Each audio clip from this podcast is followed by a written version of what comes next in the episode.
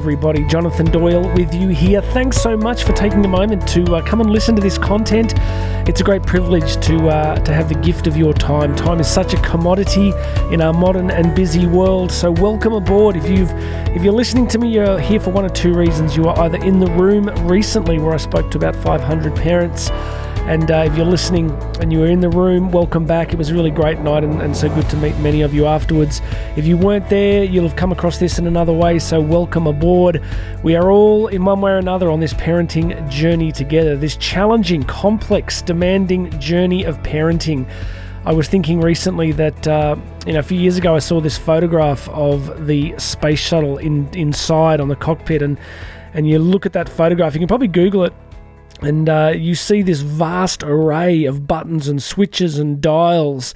And, you know, it's fascinating to look at that complexity. But uh, believe it or not, the space shuttle actually had a manual, an actual manual you could read on how to pilot and fly it. And I'm mentioning this because it's interesting to note that something so vastly complicated still had a manual, but guess what else is really complicated and challenging but doesn't have a manual? And that's your child and my and my children. Uh, we all uh, desire to be really good parents, but it doesn't come with a manual, does it? It's it's a challenging and um, and at times frustrating task, but uh, it is a task worth giving our very best efforts to because the the results, both for our, you know, for our, in terms of our own vocations and for the wider culture, are just crucial at this particular moment in history. So, friends, welcome aboard. I want to talk about a few things. I want to just give a brief summary of the evening and then I'm going to offer you uh, some, you know, some of the the key takeaways, hopefully that are practical for you as well. Karen and I have three children. And as I mentioned to the audience, we weren't able to have children for six and a half years. We were desperate to start a family, but we weren't able to. And eventually, Karen was diagnosed with celiac disease. Once that was resolved, I uh, like to say we couldn't stop having children. We had three in three and a half years. And as I record this, they're still quite young, and uh, but so all I'm saying is we're very much on this journey with you guys as we try to do our very best and learn as much as we can, and um, hopefully share some of what we're learning and what we've learned over the years. My background, I guess, uh, you know, has been in the education sector. I got a bunch of postgraduate degrees and uh, have spent the last kind of, I guess, what it must be now, two decades uh, speaking around the world to more than 400,000 people on all these sorts of topics. And uh, so that's kind of what's brought us into this space. And let's uh, let's jump in together. Look, what I titled the presentation was I called it one big idea and three useful questions. So I want to give you one main idea that kind of permeates the presentation, and then I'm going to frame three useful questions, and then in the end, I'm just going to give you a summary of some of the practical ideas that I think we can all put into place. So the one essential big idea that I'm keen to share with all of us is simply the idea that no one can parent your child better than you. Now, I know in the difficulties and challenges of daily life, it can feel that that's not the case, right? You can sometimes feel that you're not getting it right, or there's all sorts of challenges and problems. And and you know, I, I don't want to digress, but all of us are in a different place. Some of us, you know, parenting comes pretty easily to us. We've been blessed with relatively easy kids. Some of us are not in that situation, right? We're dealing with often complex uh, behavioral problems or peer group problems and you know or there's, there's a spectrum right? From from no problems all the way up to extreme problems. But i do want to really encourage us all to remember that no matter how difficult or easy it may feel at times We've got to hold on to this belief that we're meant to be the particular parent given to our particular children, and that no one can do this better than you because no one could ever be more invested than you. So I like to think that God has really chosen and ordained you to be the specific parent of your specific child. And if that's the case, I know I've got a relatively diverse audience listening to this summary, but you know, I, like to think in the sense of vocation, if we've been called into a vocation, such as the vocation of parenting, then if God calls us into that, then it's His problem to sustain us in it. So, by that I mean that I think there's a deep spiritual, sacred aspect to parenting, and if we're called into it, part of our journey will be trusting that we are supposed to be there. I spoke in Boise, Idaho a few years ago, and I never forget what the the bishop said. He was introducing me to a teaching convention, and uh, I remember him famously saying, he said, Everybody, you've got to stop trying to make Jesus unemployed. Always like that. So for me, there's a deep um, spiritual basis to what we're doing here, and that God wants to support us in it. So, as I mentioned before, there's a lot of differences for us, uh, in difference in our life experiences. So some of us, you know, there may be some single parents listening. There'll be some of us listening where everything's going well, as I said. Some of us listening where everything's a challenge and difficulty. But despite the differences that we have, and the other difference I mentioned on the night too, I should uh, recall, is our own experiences of being parented. So, um, you know, our own experience of our own childhoods. Some of us had a really straightforward, easy childhood. Some of us had extremely difficult childhoods. And therefore, you know, the. Uh, the experiences that we've had really shape our parenting and, and create, you know, either blessings or challenges for us on the journey. But despite the differences, I was really keen to say that what unites us all as parents, the one thing that we could say, despite our differences, what unites all of us as parents is that we desire the good of our children, that we love them, that we desire good for them. Uh, in my postgrad work in philosophical anthropology, we did a lot of work on understanding the, the, the deeper meaning of human love, and it's been highly sentimentalized in our culture into a, a purely emotive construct. But to say that you love your children really means that, yes, there can be an affective component, but what it really means is that we desire good happens to them for their own sake, for their own good. So, what unites every one of us is that if we could wave a magic wand, we would will that good happens to them. Not just that they have good experiences, but that they become good on this journey of life. And the last kind of opening point I made was to remind us all that there'll be nothing more significant, I think, that we'll ever do in this life. Everything else can be taken from you, right? Every every amount bit of success that you've had in your life, whether it's career success, financial, professional, whatever it is, you know, you can be general secretary of the United Nations, you know, whatever, you could be president, but all of these things can be taken away. And all of these things are susceptible to the ravages of time. Sooner or later, all of these things can be taken from us. So what I like to say to people is in the final moments of our lives, you know, it, it, really what will be most significant to us will be the people in the room with us in those final moments of our lives. You know, and, and I quoted St. John of the Cross, who famously said, At the sunset of our lives, we will be judged on how we have loved. You know, so in the daily battle of life and all the complexities that we're all living through, the busyness, the overwhelm, all of that that defines so much modern life and modern parenting, hold on to the fact that really you know, in the daily daily grind, everything's screaming at us, right? There's so many uh, emergencies, there's so many contingencies, there's so many things we've got to deal with. But let's try and hold on to this truth that this parenting journey is just about the most significant thing that we're going to be doing. All right, so let's move on to these three useful questions. So we've got the one big idea, which is that you're meant to be doing this, you're uniquely positioned to be doing this, no one can do this better than you. Okay, so the three useful questions that I framed are these. Number one, what is your deepest desire as a parent for your child? What's the deepest desire that you have for them? Second question was, what stops you from achieving that desire? And finally, uh, what can we do to more closely realize our desire for our children's growth and flourishing? So, what is it that we want? What stops us getting what we want? And what can we do to make it more frequent, have a more frequent experience of, of approximating what we truly desire in this parenting journey? So, I'm going to step through those quickly and then I'll give you the, um, the what did I come up with in the end? I came up with eight practical things or you know, a mix of theoretical and practical things we can do. So, are you ready? We're almost uh, we, we we're almost there. It's a short summary. uh, time is precious, so let's do it. The first useful question: What's your deepest desire as a parent for your child? And I did a sort of experiment in the room where I said, if you ask most people, if you ask the the man or woman on the street, the uh, average person, the average parent, most people tend to say something along the lines of that they want their child to be happy. So what I said on the night again was that's problematic for a few reasons. One is, you know, at least without going deep down this rabbit hole, the meaning of the word happiness has undergone a rather seismic uh, transformation since around the time of the French Revolution.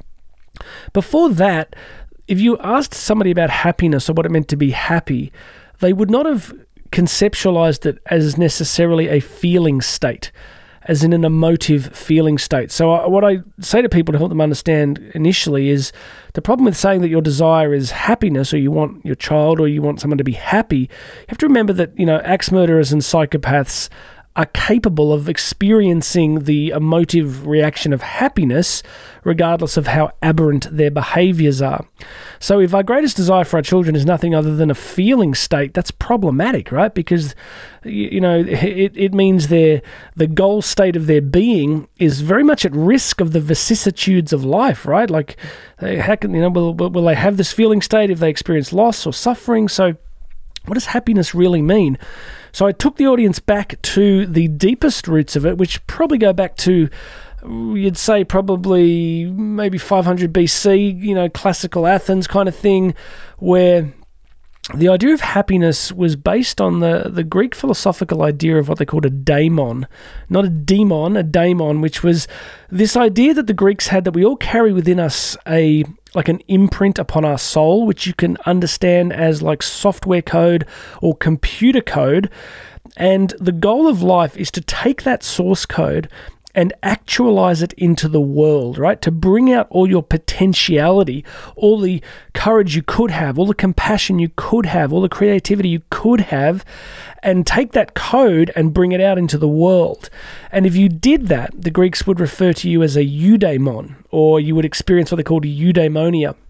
And for the Greeks, that was kind of the goal of the good life was to take the natural potential for good within you and bring it out into the world.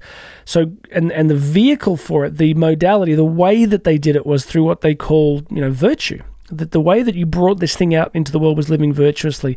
All right, so that's the end of the philosophy philosophy lesson. But my point is, if our desire for our children is happiness, what it really means is that our desire should be for what the Greeks would say is true human flourishing all of the potentiality in your child coming out into the world over the life course, over their life journey.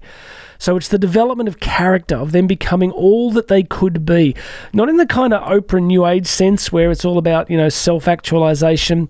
I often say that I, I think uh, Maslow was wrong. You'd all be familiar with the idea of, you know, that the Maslow's hierarchy of needs and self actualization was the pinnacle. I think he was fundamentally wrong. And if you read biographies of his life, he was a pretty strange cat. I mean, to be honest, go have a look.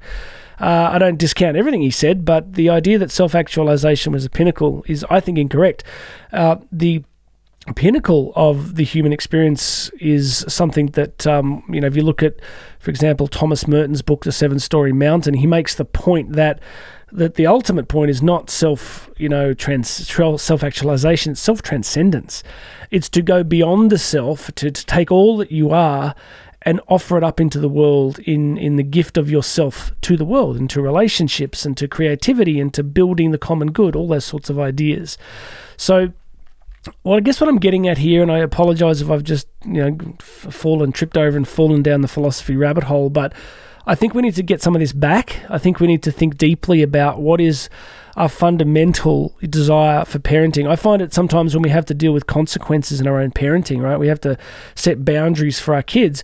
And I don't know if you do this, but I can second guess myself. Am I being too hard? Am I being too easy? What's the you know what's the right mix here? And then I remind myself, you know, what I'm trying to do here is form character. What I'm trying to do here is what the Greeks were saying is to take this imprint and use the vehicle of virtue and character development so that child flourishes in life. Okay? So I hope that's useful. That what we want is their happiness, but that happiness conceptualized as human flourishing potentiality through the vehicle of virtue and character development. That's what we're after. And the last thing is an answer to, as an answer to question one: What's your deepest desire as a parent for your child? Is I shared a story of my oldest child, Olivia, who is uh, you know we we we took her out of formal schooling and she's been uh, home educated and just doing a phenomenal job. Like she's she's just achieving at a you know amazing level, doing a kind of great books classical education program out of the US. And a few weeks ago, my oldest brother was over with his family. and We were having lunch on a Sunday, and afterwards, everyone was sitting around and he asked me how Olivia was going, and I just raved. I said, "Mate, I said she's just you know in this beautiful space. She's doing so well. She's reading, you know, de Tocqueville's uh, D- Democracy in America. She's reading the Federalist Papers. She's reading Plato's Republic. She's 15." and you know, and, and I said she's just amazing. You know, she's she's got she's working, she's doing all this stuff, and he said something that really stuck with me. And trust me, there's no triumphalism in this. You know, it's like we've we've been we've, we've prayed a lot, we've worked hard, we've tried to do what we can. But he said to me, he said, "Oh, it's because she's taken on your values. She's taken on your values." And it really struck me. I suddenly realized I went, he's right. Like she's actually looked at Karen and I and our view of the world and what we value and what we believe is worth valuing, what is worth, you know, what's true, good, and beautiful. And she has, I guess, witnessed it, considered it, and taken it on as as appropriate for her. So at this point, I guess some people can push back and say, well, have you just created an automaton? Have you just created a robot carbon copy of yourself and Karen. That's not true at all. I don't think that's remotely what's happened.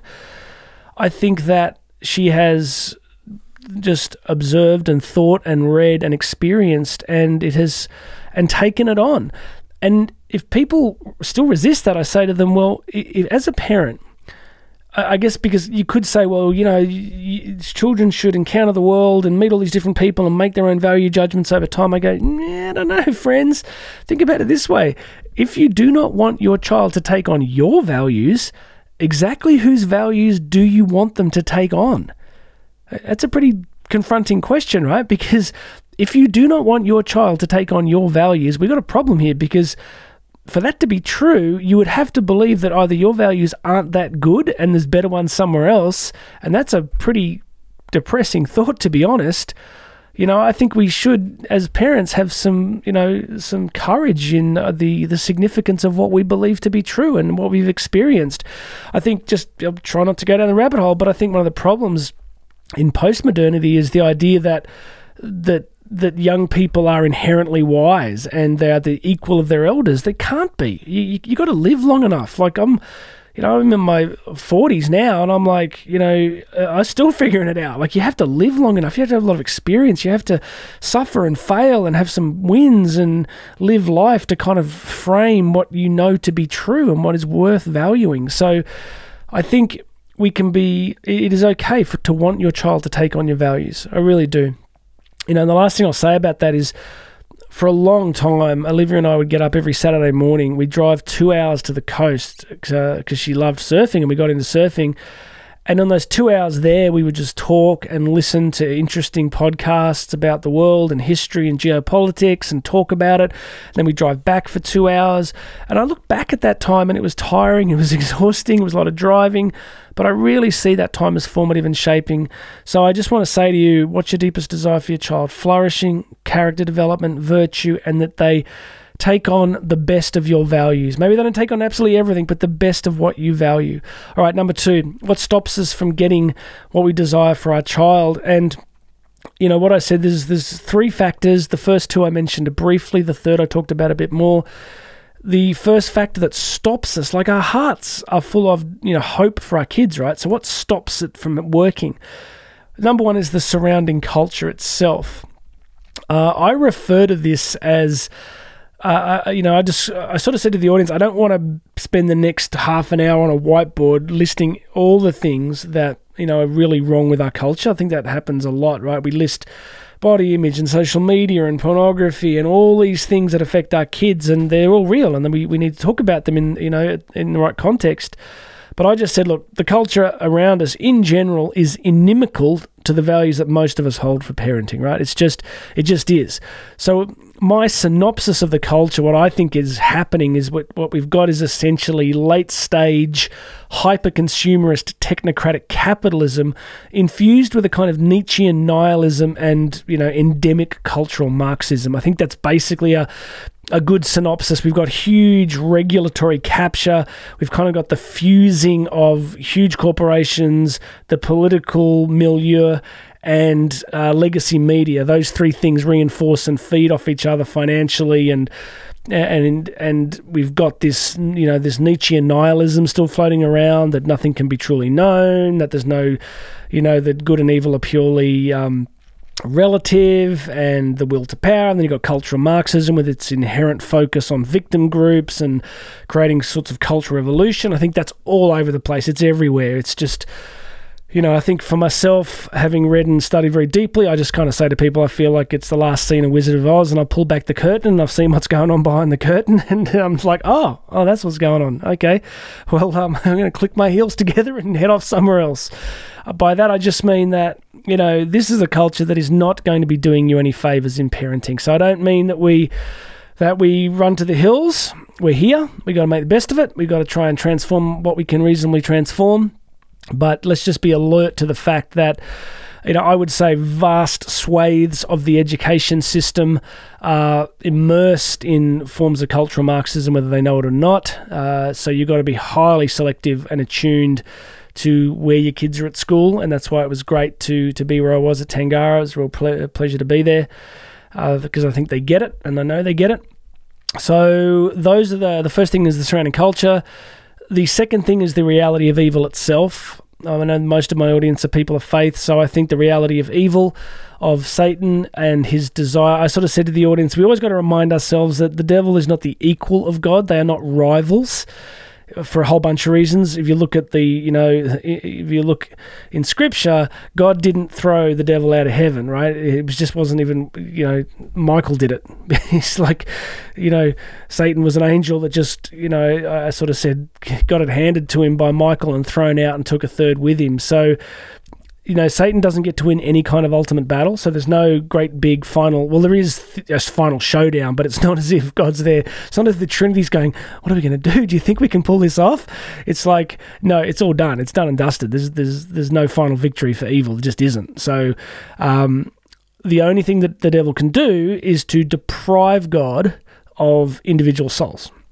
That's that. That's the game, right? It isn't about is is Satan running some incredible strategy where he's going to sneak up on the Trinity and somehow, you know, wrest cosmic power. That's not going to happen. What is going to happen is genuine evil is going to target marriage and family. It's going to target people of faith. It's going to target parenting. It's going to target kids. All of it in the simple attempt to separate souls from God. That's it. So, I really want us all to be switched onto that truth. I think in the last whatever period of time. You know, we've sort of, I think we've stopped remembering that, and we need to remember it again and begin to pray into that, begin to be spiritually very aware of it, be very much you know, praying for our kids. Uh, trying to grow spiritually ourselves. And uh, so that's the second part. And look, finally, the third thing that stops us from getting what we want is what I talked about in a lot more detail, which was our own woundedness, pain, and past failures. And in some ways, that was the focus of the evening because we forget that no matter, even if we were parented almost perfectly, every single one of us carries wounds. So again, we've got a spectrum from people who are experienced profound abuse and trauma and violence and abandonment, all the way to people who felt they were, you know, parented really well, but still carry, you know, the little scrapes and bumps of human family life and still, you know, carry some things around. We all do, right? So one of the things we need to be vigilant about as parents is simply that we carry woundedness, we carry brokenness. And what I said next was I asked the audience the question what do you think is God's ultimate purpose in cosmic history? Like, if you look at the great sweep of spiritual history, what do you think God's doing? Like what, what what's what's the, the, the macro view? What's the, the meta narrative of all spirituality and faith? And what I believe it to be, and what a lot of theologians would say, is that it's all about redemption. Right? The whole thing is God offered relationship, relationship was broken, and then God just went to work to restore relationship. So the entire sweep of cosmic history is about healing, it's about redemption, and it's about restoration, right? That's what the incarnation is, right? Like C.S. Lewis said, that the incarnation is a daring raid on enemy held territory. That's what it's about. So we need to remember that all the wounds and the brokenness that we carry, God is very much interested in healing, all right?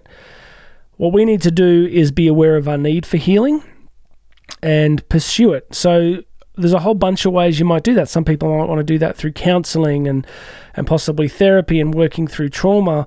Um, you know, I, I, recommended stuff like the Catholic, uh, the Christian prayer ministry of people like Neal Lozano, who runs the Unbound uh, prayer ministry. Like some people, some of us need to get prayed with. We need to just receive prayer for healing. And you know, the Unbound ministry is a very gentle, non-invasive, beautiful form of prayer. So I just want to say to everybody listening, maybe you haven't explored this, but my point is that if we don't get healing for the wounds and the trauma and the things that we've lived through in our own experiences, it is hard, harder to parent as effectively as we could. You know, if we're carrying around all this sort of stuff. So, whether it's, you know, rage or addictions or dismissiveness or sarcasm and these things that come out in our parenting or can, then what are the roots of those? And you know, you, you, look at the work of people like, you know, Dr. Gabor Mate, like on addiction and trauma, and we see how many of the pathologies that come out in life are coming from pretty deep places within. So, healing comes from the sacraments, from prayer, from prayer ministry, from, you know, these days I just go and sit in a church for an hour a day and I just sit there and stare at the tabernacle, and that's what I do.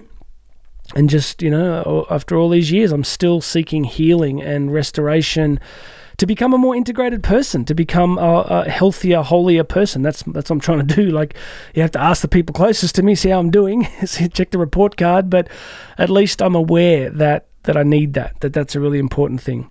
All right, we're at the 24 minute mark give or take, so let's wrap this up.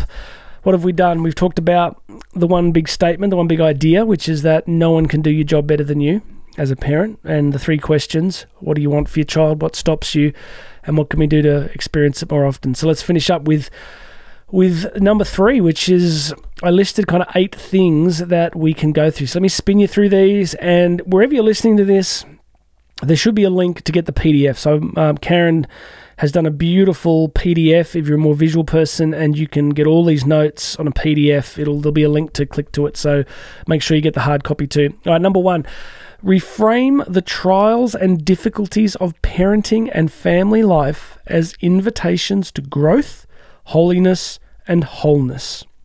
The things you see as most difficult are often hidden invitations to unexpected growth. I wonder if in parenting, like we often have some of the same battles over and over again, and some of them we need to have and they're really worth having, but sometimes, you know, having coached a lot of people over the years, the power of reframing questions can be quite profound, which is instead of just having the same fight over and over again, ask yourself a better question, which is what what's going on here? What what what where where do I where might I need to change? Maybe it is your child that needs to change, sure. But maybe we need to be more gentle. Maybe we need to communicate better. Maybe we need to learn to listen more fully.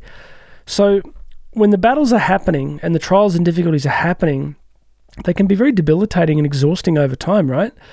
But begin to think, okay, you know, I remember a nun once famously said, God comes to you disguised as your life. Like, I spent years, you know, wanting God to speak to me, right? I'm going, why doesn't God speak to me? Well, I want an email from God just going, Jonathan, do this. Here it is. Step one, two, three. Didn't get it. And you begin to realize that He's often talking to us through the circumstances of our lives, through the difficulties and the challenges, because they lead us towards reliance upon God and they, re- they lead us towards change. So, if you're facing some difficulties, ask yourself some better questions about them. Where is the invitation to growth? Number two, reorient your life to this parenting season and live it well. Your time with your children in these formative years is short, so commit to it because you'll not be given this time again. It's a small window and it closes fast. Audit your life and commitments and ask if you're doing all that can be reasonably done. Okay, just by that I mean the incredible busyness and overwhelm of modern life in the big cities, particularly, means that we can live kind of like I'll get to it, I'll get to it, I'll get to it, I'll, I'll get this time with my child, I'll, I'll take them on this camping trip, I'll get to this, I'll have this conversation, I'm going to listen to them next week.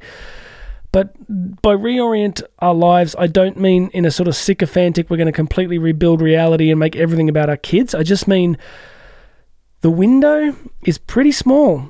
When I when our kids were really little, they never slept, and I just thought, man, it can never be harder than this, right? We just didn't sleep for years because they were so close in age.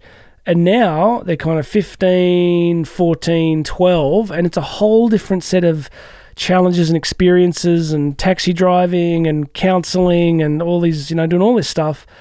But I'm still reminding myself that Jonathan, really, there's about kind of 10 years left and that's it. Like, yeah, you'll still be friends with them. Yes, you'll still have a relationship. Yes, there'll still be things to do. But this really formative window is short. So let's make sure that we are clear on that and that we are giving ourselves the best that we can reasonably give to our kids in the windows that we have. Okay. Number three, invest in your own well being, health, holiness, and growth. You cannot give what you don't possess and you cannot give from an empty well. So, by this I mean the exercise, the sleep, the diet, the hobbies. I don't know some of you just passed out and just went, What? Really? What does he think this is? Like, you know, is this like the sound of music? Is this like we're the Von Trapp family now? Like we're just gonna, you know, the kids are gonna turn up in pinafores and we're just gonna, you know, go for picnics. No, I just mean that it's okay to take care of yourself because if you are well physiologically as well as you can be, then you're much more likely to parent more effectively. So I do a daily podcast, and yesterday I was responding to a listener question about time management, and I talk about the non-negotiables.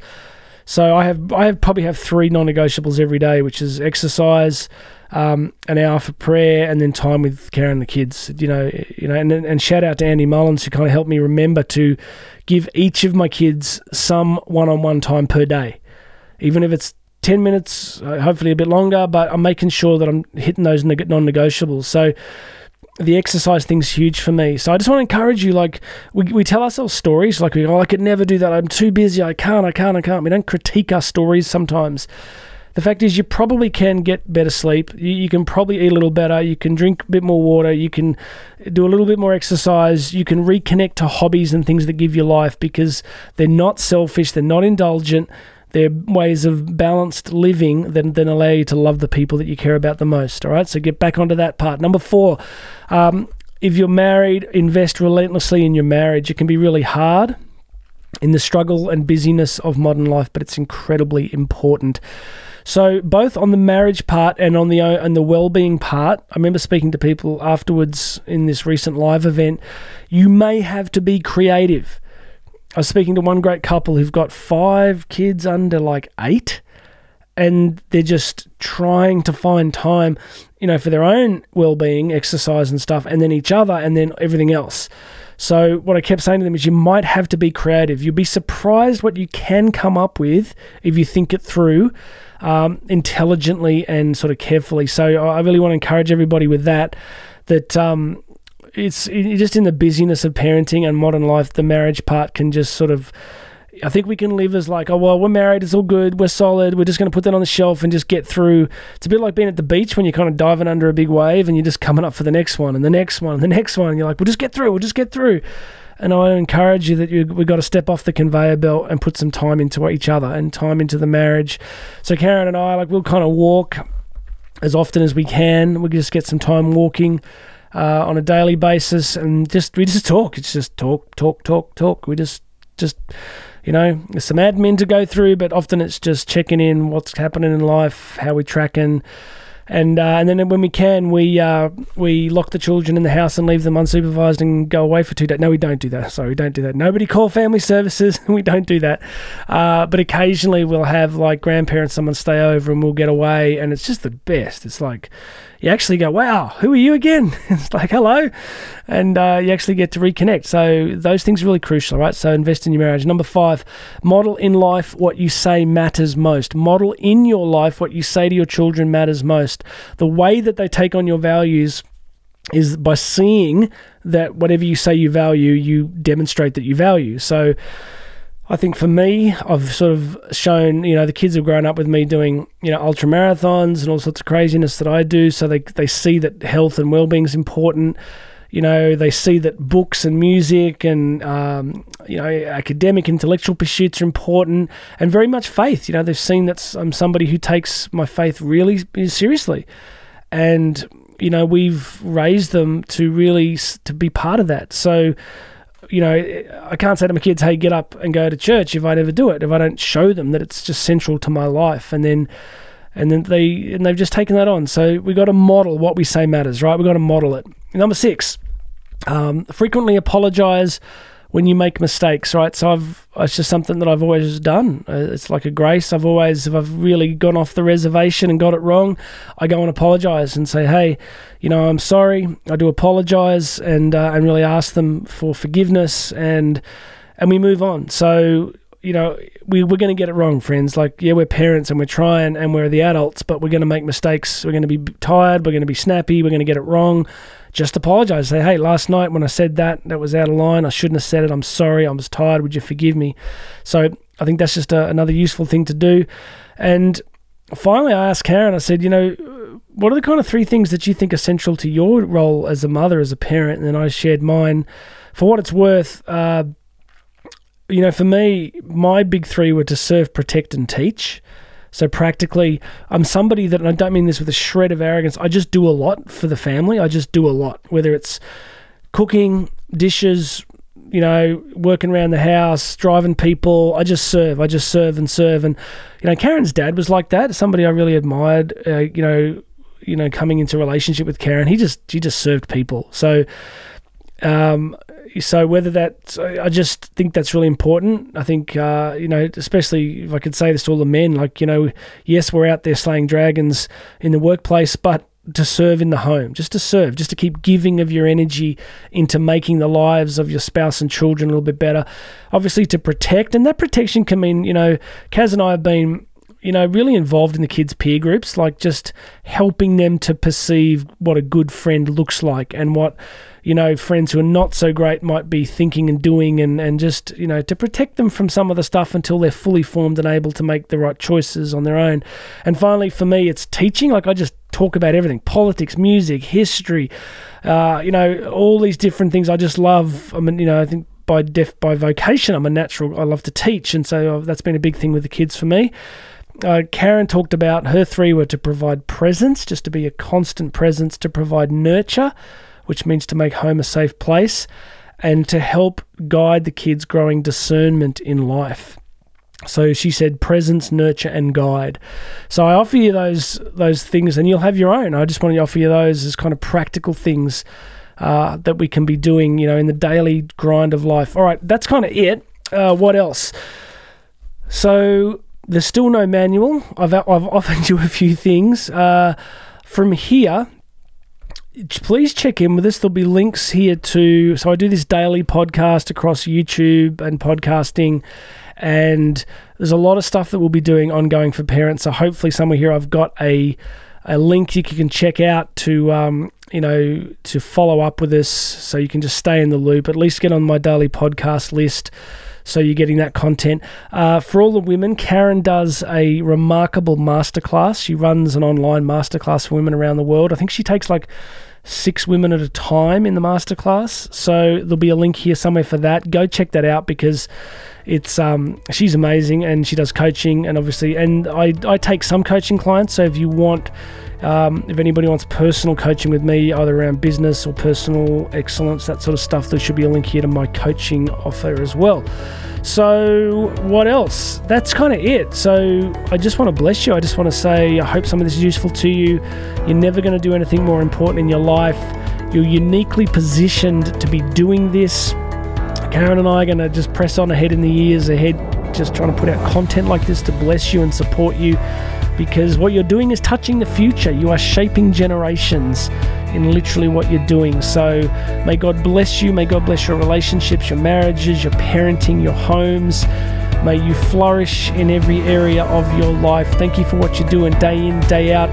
Go and check out all these links. My name's Jonathan Doyle. God bless you, and hopefully, I'll see a lot of you on the daily podcast. Speak soon. God bless.